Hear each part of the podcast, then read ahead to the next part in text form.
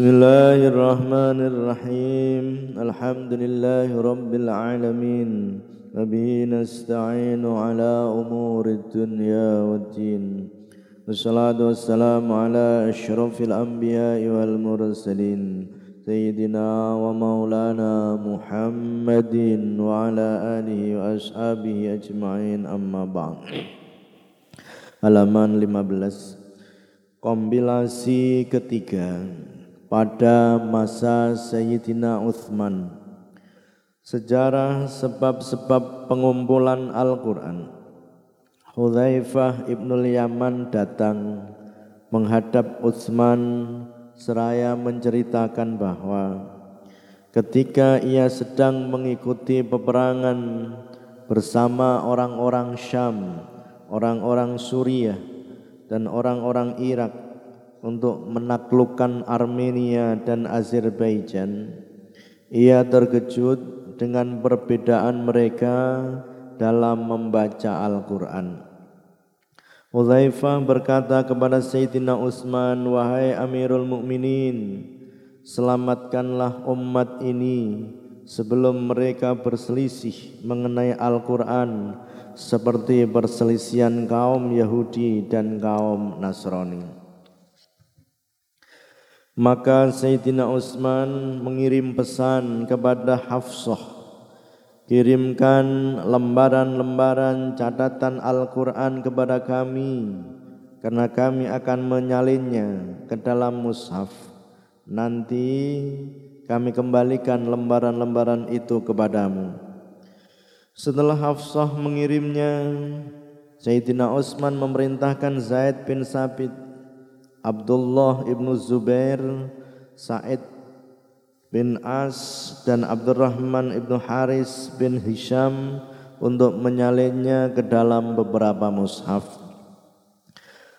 Sayyidina Utsman berpesan kepada ketiga orang Quraisy dalam kelompok itu, kalau kalian berbeda pendapat dengan Zaid bin Sabit mengenai suatu ayat tulislah dengan dialek Quraisy karena Al-Qur'an turun dengan dialek mereka. Mereka lantas melaksanakannya. Setelah mereka menyalin isi lembaran-lembaran itu ke dalam sejumlah mushaf, Sayyidina Utsman mengembalikan lembaran tersebut kepada Hafsah.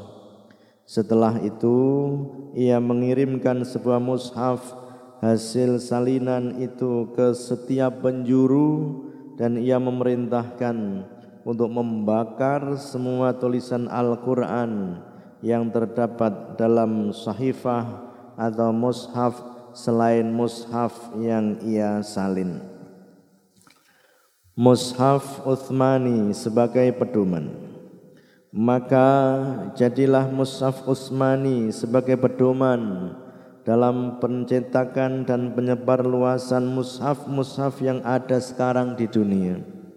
Setelah sebelumnya hingga era Utsman kaum muslimin membaca Al-Qur'an dengan berbagai kiroat yang berbeda-beda. Utsman menyatukan mereka kepada satu mushaf dan satu cara baca serta menjadikan mushaf tersebut sebagai imam dan oleh karena itulah mushaf tersebut dinisbatkan kepadanya dan ia sendiri dijuluki sebagai Jami'ul Quran, pengumpul Al-Quran disebut dengan Mushaf Utsmani. Pengumpulan Al-Quran pada masa Abu Bakar adalah pengumpulan dalam satu naskah yang terpercaya, hanya satu naskah. Sedangkan pengumpulan Al-Quran pada masa Utsman adalah penyalinan. Dari sahifah-sahifah yang dipegang Hafsah ke dalam enam mushaf dengan satu cara baca. Diperbanyak lagi. Dan cara baca ini sesuai dengan tujuh huruf atau tujuh cara baca yang Al-Quran turun dengannya disebut dengan kiroah sabah. Tujuh huruf dan tujuh kiroah Tujuh huruf artinya tujuh cara baca, yaitu tujuh bahasa dan dialek di antara bahasa-bahasa dan dialek-dialek bangsa Arab. Al-Quran boleh dibaca dengan masing-masing bahasa itu.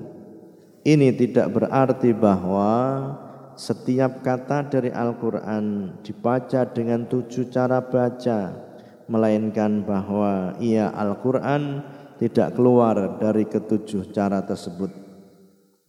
Jadi kalau tidak dengan dialek Quraisy yang merupakan bagian terbanyak, ia dibaca dengan dialek suku lain sebab dialek suku ini lebih fasih.